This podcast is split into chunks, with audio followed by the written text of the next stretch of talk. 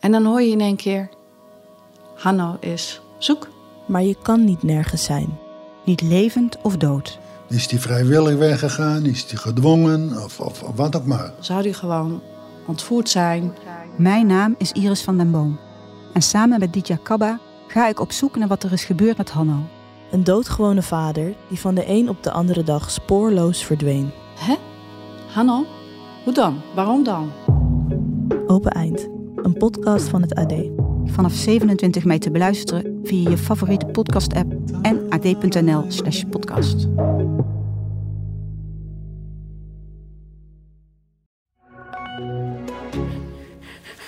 Nee, dat kon niet waar zijn. Nee, dat kon niet.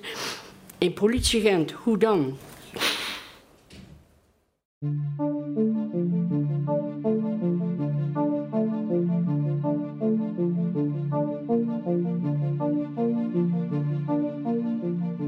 Als iemand een levensgevaarlijke situatie creëert, dan bel je de politie. Maar wat als de politie zelf de schuldige is en een agent in het verdachte bankje belandt? Mijn naam is Emma Ties en je luistert naar De Zaak X. Een podcast van het AD in samenwerking met het podcastkantoor, waarin we wekelijks een spraakmakende rechtszaak bespreken. Met deze week de agent in het verdachte bankje.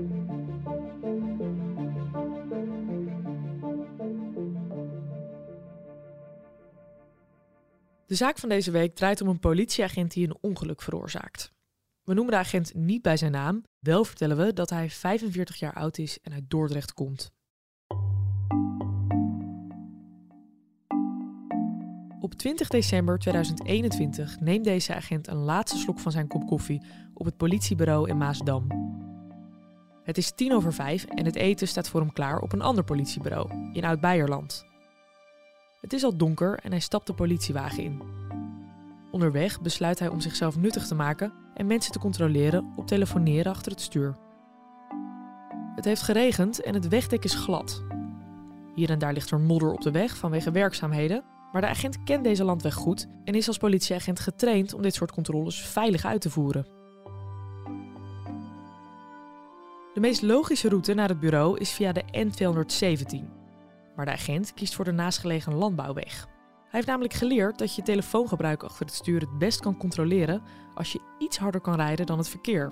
Zo kan je bij het voorbijrijden naar links kijken en zien of iemand aan het bellen is. Hij rijdt hem in, voert zijn snelheid op naar 90 km, minimaal 90 km per uur, terwijl daar de maximumsnelheid 60 is. Je hoort rechtbankverslaggever Niels Dekker. Hij volgt deze zaak voor AD Rotterdams Dagblad. Hij gaat rijden en hij zegt, eh, ik ga op een, eh, er zit dan een knik in de weg, een bocht, en dan zijn er wat bosjes. Hij zegt, nou, dat heb ik genomen. De agent vertelt zelf in de rechtbank wat er na de bosjes gebeurde. Zijn stem is vanwege privacyredenen vervormd. Ehm, en terwijl dat de bosjes aan de linkerkant voorbij zijn, wilde ik eh, gaan surveilleren. En toen ik dus een zwarte vlek voor mijn ogen. En toen eh, was het een hele harde knal. En toen probeerde ik te remmen, maar dat lukte niet meer. Hij zegt, ik zie een zwarte vlek op me afkomen. Ik hoor een knal. Ik denk, hij zegt, ik denk dat ik een hert heb geraakt, eh, een dier. En toen sloeg de motor af van mijn auto.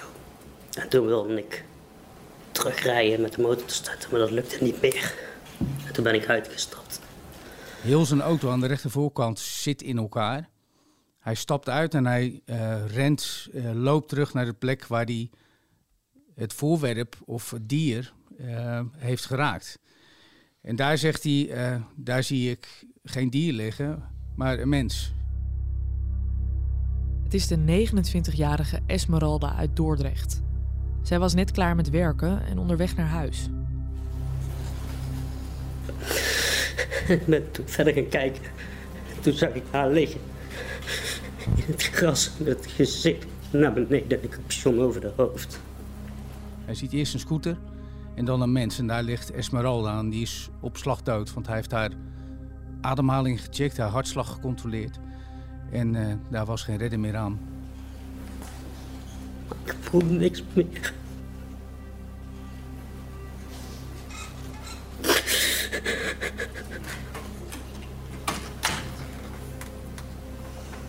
Twee getuigen eh, van auto's die op die provinciale weg rijden. Die lopen daar naartoe, die hebben die knal gehoord. Een van die getuigen vertelde dat hij met iemand aan de telefoon zat. Overigens via de speakers, dus gewoon hands-free. En dat degene aan de andere kant van de lijn de knal hoorde van het moment dat de agent Esmeralda op haar scooter raakte. Dus dat geeft wel aan hoe verschrikkelijk hard die klap moet zijn geweest. Omdat het ongeluk naast de drukke N217 plaatsvindt, zijn er veel getuigen. Sommige van hen stappen uit. De rechter vertelt wat ze aantreffen. De politieman die hij zag stond bij het slachtoffer. De politieman leek me in een grote shock. Hij zei iets in de trant van er is niets meer aan te doen. Ik meen me te herinneren dat ik aan hem vroeg hoe het met hem ging en hij zei ik sta wel te trillen. Er is ook uh, een, een, vrouw die komt erbij, een arts ook hè? Ja. ja, en dan komen de hulpdiensten erbij. Esmeralda, wat ik zei, is op slag dood, is niet meer te redden. En uh, u, u, was er eerst nog wel tamelijk, uh, denk ik, vrij ordelijk bezig nog als professional hè? U hebt gegevens genoteerd van mensen die daar waren. Uh, terwijl het misschien nog niet helemaal allemaal geland was wat er gebeurd was. En uh, u hebt aan die arts ook gevraagd of ze wilde voelen of het inderdaad zo was dat mevrouw was overleden. Um, en op een gegeven moment komt er ook, uh, komen er ook collega's. En een van hen zegt op een gegeven moment: Jij moet maar in de auto gaan zitten en mee naar het bureau. En zo begint er een strafzaak tegen een politieagent.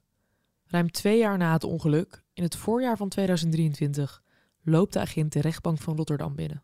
En dan loopt hij naar voren eh, naar uh, cliché wat heet het verdachte bankje. Dus het stoeltje wat recht voor de drie rechters uh, staat. Daar gaat hij zitten. En hij begon te praten en dat hij zegt, ja ik vind het gewoon heftig en ik heb het nooit gewild. Ik wou zo graag dat het 19 december was. U wilde zo graag dat het de dag ervoor was. Dat u het over kon doen. Dat ik die dag niet eens zou werken.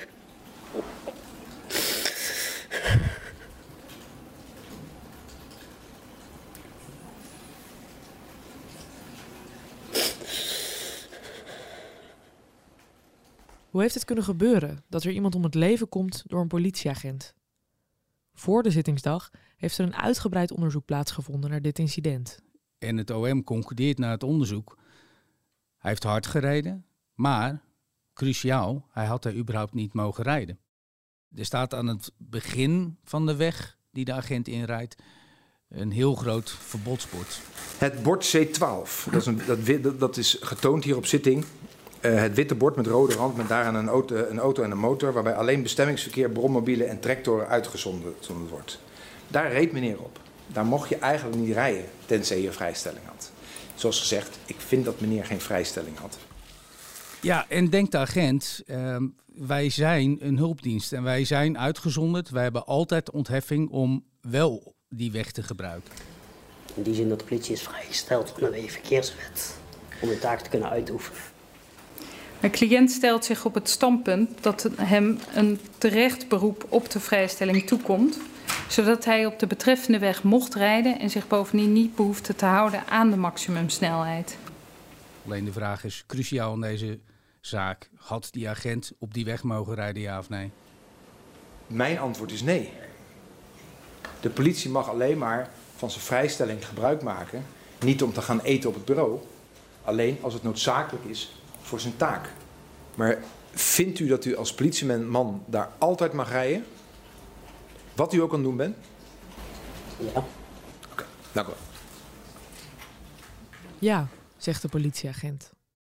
Als de officier van justitie, advocaat en politieagent zelf aan het woord zijn geweest, is er op deze beladen zittingsdag ruimte voor de nabestaanden van Esmeralda om het woord te nemen. Esmeralda uh, is vanaf driejarige leeftijd opgevoed door haar oma en uh, Spaanstalige opa. Uh, zij zat achter mij en ze ging zitten en ze legde een portret van Esmeralda op haar schoot.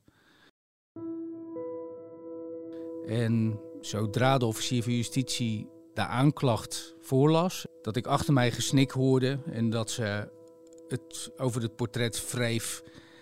Ja, later kwam ze ook aan het woord en dat is een moment dat is hartverscheurend voor, voor iedereen.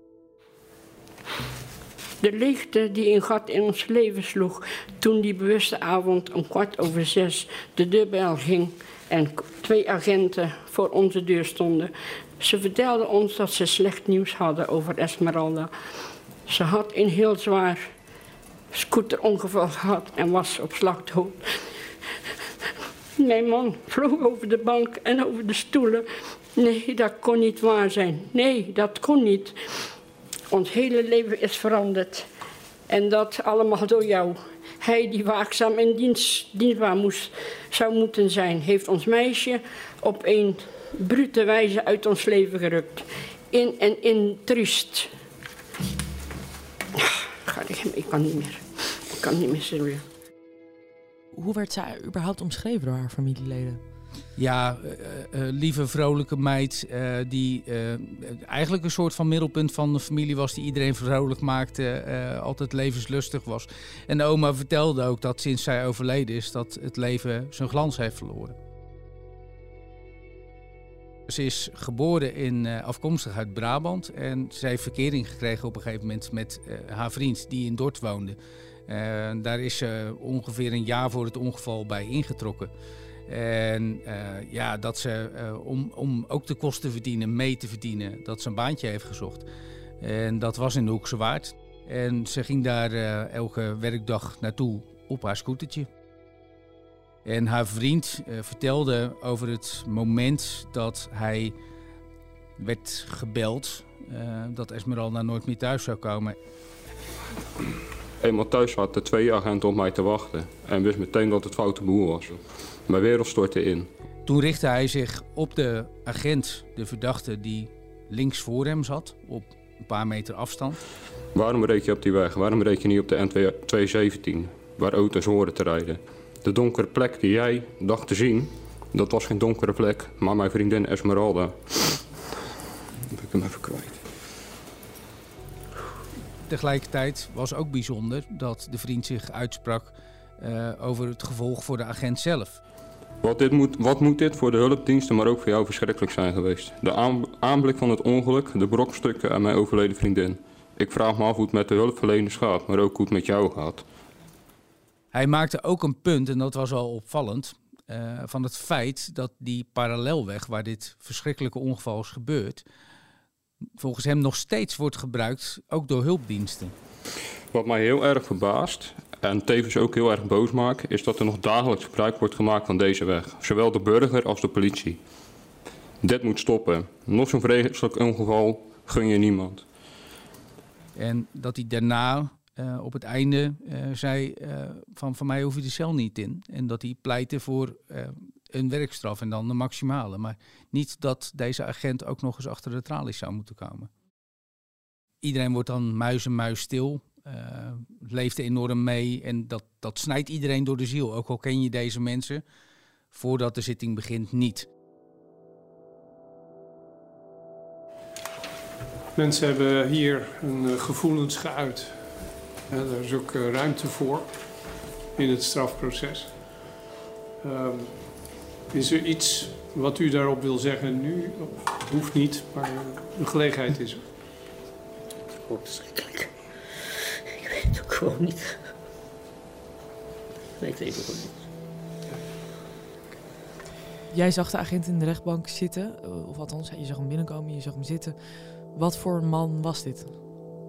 Keurig verzorgd, uh, netjes, wel bespraakt, maar wel problemen met praten. Wat volgens een advocaat, die ging dat verklaren ook, uh, werd veroorzaakt door de posttraumatische stressstoornis die als gevolg van dit ongeval heeft opgelopen. En ook de stress van die dag waar hij naartoe heeft geleefd. En op het moment dat hij daarover moet praten, dat dat steeds zwaarder voor hem werd. En waar hij bij aanvang nog wel verstaanbaar was, werd dat tijdens de zitting steeds minder en minder. Totdat hij eigenlijk bijna geen stem meer over had. Dat is wel een gebroken man die je voor je had dus eigenlijk. Absoluut. Hoe het met u gaat. Moment gaat het gewoon niet goed. Ik ben nog steeds thuis van mijn werk. U bent nog steeds thuis. Ik niet kan werken. U kunt niet werken. Ja.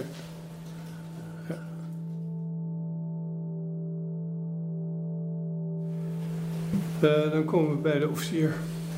Dank u wel. Edelachtbaar college. Geachte aanwezigen. Niet iedere zaak is hetzelfde. Je kunt geen appels vergelijken met peren. En ik heb ook aangegeven dat ik dit een hele moeilijke strafmaat vond. Want ik vind het ook heel moeilijk om gevangenisstraf te eisen tegen een politieman. Dat vind ik echt heel moeilijk. Met name als de politieman eh, eh, van oordeel is dat hij dat, dat hij met zijn werk is. Dat vind ik een hele moeilijke straf. En misschien wel de moeilijkste straf die ik ooit geëist heb. Maar ik vind dat gelet op de overtreden norm er geen andere eh, straf open staat in deze. Dank u wel. Het OM eist een half jaar cel, waarvan drie maanden voorwaardelijk en twee jaar rijontzegging. Meneer T- wij gaan eh, zo nog eens even terugtrekken hoe we verder gaan met eh, de termijn van de uitspraak. En hoe. Ehm, maar voor het zover is, wil ik u nog gelegenheid geven voor het laatste woord. Is er iets wat u nog wilt zeggen? Ja, ik vind het voor de ouders van het slachtoffer en alle familie echt afschuwelijk. U wilt zeggen dat het voor de slachtoffers en de familie afschuwelijk is. is. En ik hoop dat ik geen gevangenisstraf krijg. Want dat betekent dat ik mijn baan kwijt ben, mijn huis kwijt ben. Dan is alles gewoon in mijn handen. Dan weet ik het helemaal niet meer. Dat is wat u nog wilt zeggen.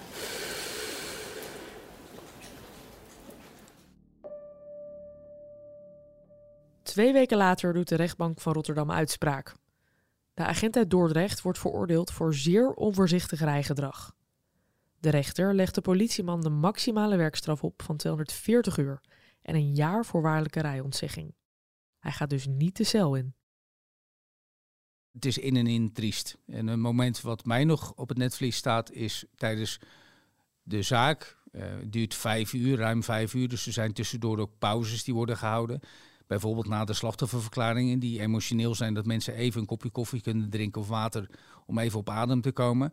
En dat was het moment, eh, dan observeer je op de gang eh, hoe dat eraan toe gaat. Nou, dat ging dus allemaal rustig.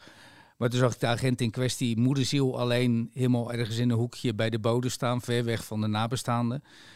En niet dat ik medelijden heb dan met hem, maar wel dat je concludeert, het is zo triest voor, voor hem. En dan kijk je naar de andere kant en ook triest voor die mensen. Oftewel, ja, niemand had daar willen zijn natuurlijk. En terugkomend op wat de agent zei, ehm, als je de tijd maar terug kon draaien.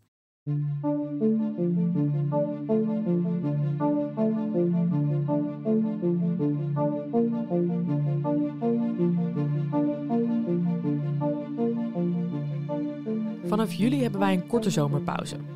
Half augustus zijn we weer terug met nieuwe rechtszaken met uitspraak in seizoen 2 van de Zaak X.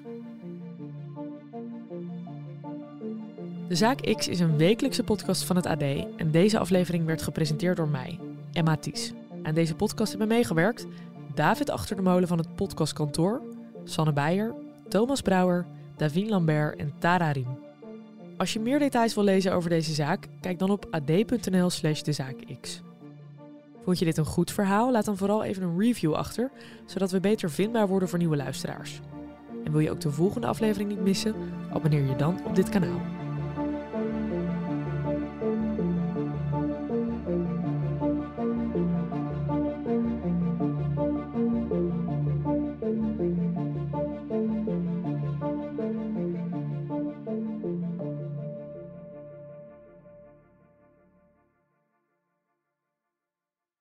Mijn naam is Willem Hinskens. Ik heb gezegd, broer. Ik ben niet dronken. Wat denk je van je? Hey. Dit is mijn verhaal. Broer, broer, Niks te klaar, vriend. Ik ben niet met de klaar, Toris. Loop naar hem toe, haal hem uit. Een verhaal over een mishandeling. Kankerpitchboy. Mijn mishandeling. 30 jaar geleden in een stadspark in Deventer. Ook ik werd belaagd, geslagen en geschopt. In deze podcast ga ik 30 jaar na mijn mishandeling alsnog de confrontatie aan met mijn belagers. Niet om verhaal te halen, maar om in gesprek te gaan. Luister Klappen, een nieuwe podcast van het AD en de aangesloten regionale dagbladen.